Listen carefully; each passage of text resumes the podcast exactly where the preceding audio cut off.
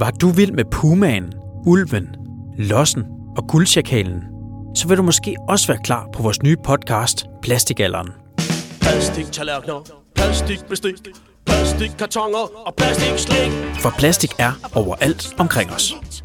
Ja, vi moderne mennesker kan faktisk ikke leve det liv, vi lever uden plastik. Altså hvis vi ikke havde plast, så ville vi ikke kunne have de mange tusindvis af varer, som vi øh, omgiver os med. Vi rejser tilbage i tiden og undersøger, hvorfor opfindelsen af supermaterialet plastik forandrede hverdagen for menneskeheden for altid.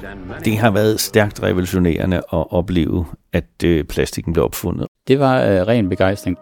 Men også til nutiden og alle de problemer, som plasten fører med sig. We must reduce the demand for plastic. Forbruget af plastik er øget hele tiden, og det bliver ved med at øges. I køber alt muligt plastiklort, og så smider I det ud med det samme, og så ender det ude i naturen. Så vil plastikken begynde at nedbrydes. Og så havde den øh, 2.300 stykker mikroplastik i sin mave.